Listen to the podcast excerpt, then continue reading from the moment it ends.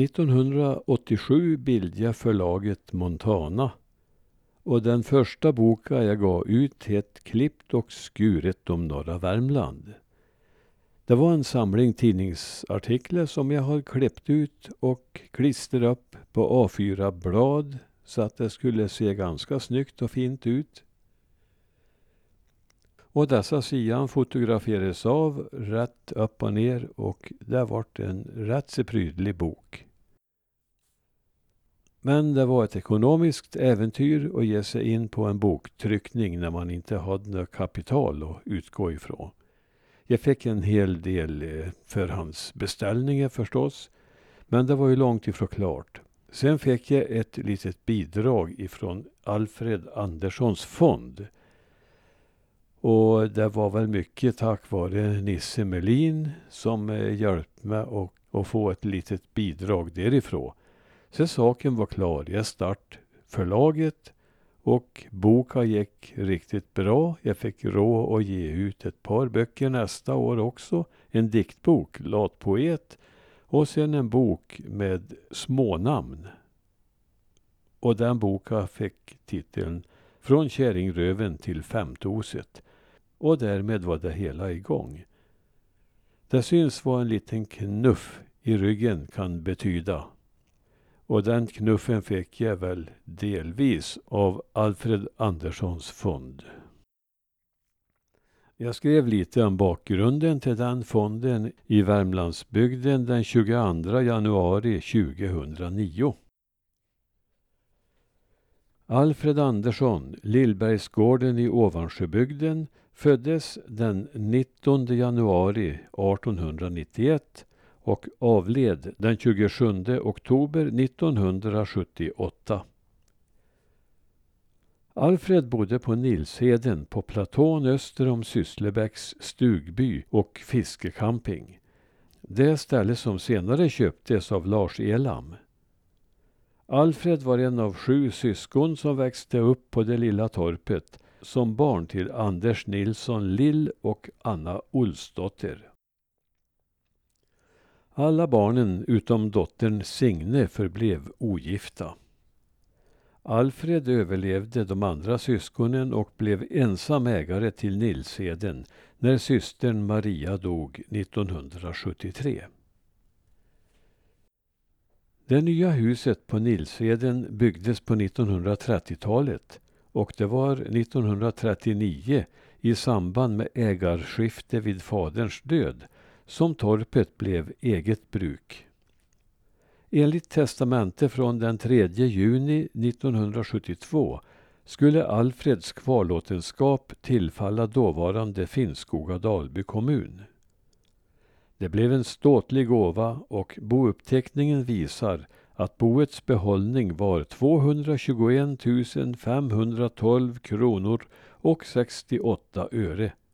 En ganska ansenlig summa på den tiden. I arvet ingick Nilseden och Sätern Sandsätra. En fond bildades där det beslöts att avkastningen skulle användas till kulturella ändamål i hembygden.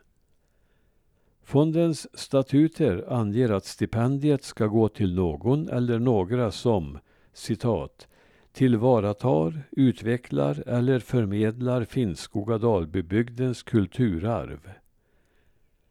Detta kan innebära insamling och dokumentation av sagor, sägner, visor, miljöbeskrivningar och skapande verksamhet eller kartläggning och eventuellt restaurering av boplatser, färdvägar och arbetsliv från gången tid.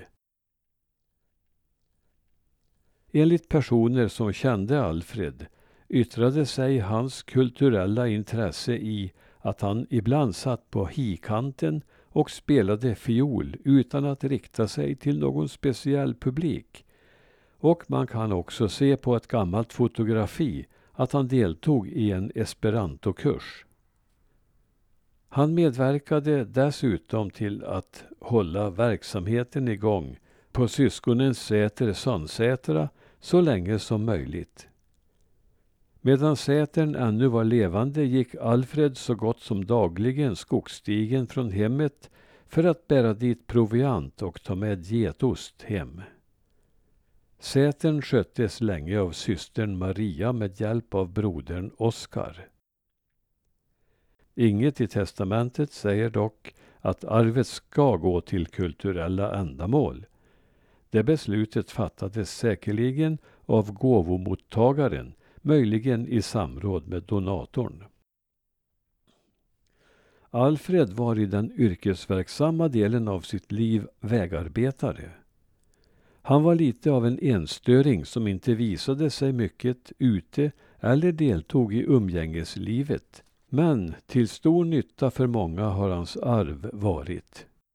Tack vare hans donation kunde Dalby hembygdsförening ge ut den omfattande torpinventeringen Torp i Dalby 1984 och Montana förlag fick en grundplåt till den allra första utgivningen Klippt och skuret om norra Värmland 1987.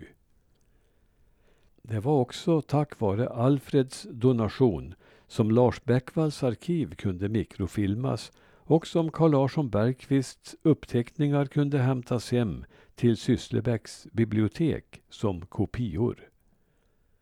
Medel har också skänkts till fågelskådare, till släktforskare, till Utmarksmuseet och Ransbysätern, pilgrimsfarare till Bayeux, Ovansjöboken, textilforskning, Södra Finnskoga bygdekooperativ och Demensprojektet.